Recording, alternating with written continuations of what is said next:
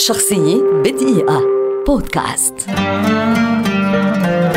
ألفونس دولامارتين شاعر وسياسي فرنسي شهير ولد عام 1790 ويعد واحدا من أكبر وأهم شعراء المدرسة الرومانسية الفرنسية. بعد أن أكمل دراسته في أحد المعاهد في فرنسا راح يسافر كي يروح عن نفسه كما يفعل معظم أبناء طبقة النبلاء التي ينتمي إليها. وهكذا سافر إلى إيطاليا عام 1811 وبقي فيها حتى عام 1814 ثم بدأ اهتمامه بالأدب. فنشر أولى مجموعاته الشعرية عام 1820 تحت عنوان تأملات شعرية وكان عمره آنذاك 31 عاما.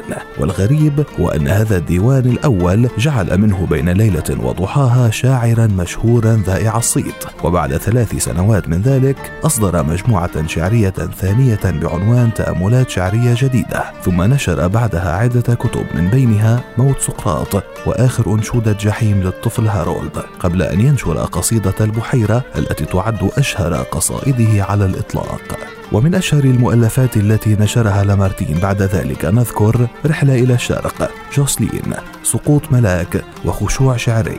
دخل المعترك السياسي كمؤيد للثورة الفرنسية الشعبية الشهيرة عام 1848 ثم أصبح عضوا في الحكومة المؤقتة لفرنسا بل وزيرا لخارجيتها ولكن لفترة قصيرة. وكان من أكبر الداعين إلى إلغاء قانون الرق أو العبودية. عام 1869 رحل لامارتين الذي يمكن القول أن مجموعته الشعرية الأولى تأملات شعرية دشنت الشعر الرومانسي في فرنسا وأغلقت المرحلة الكلاسيكية. شخصية بدقيقة.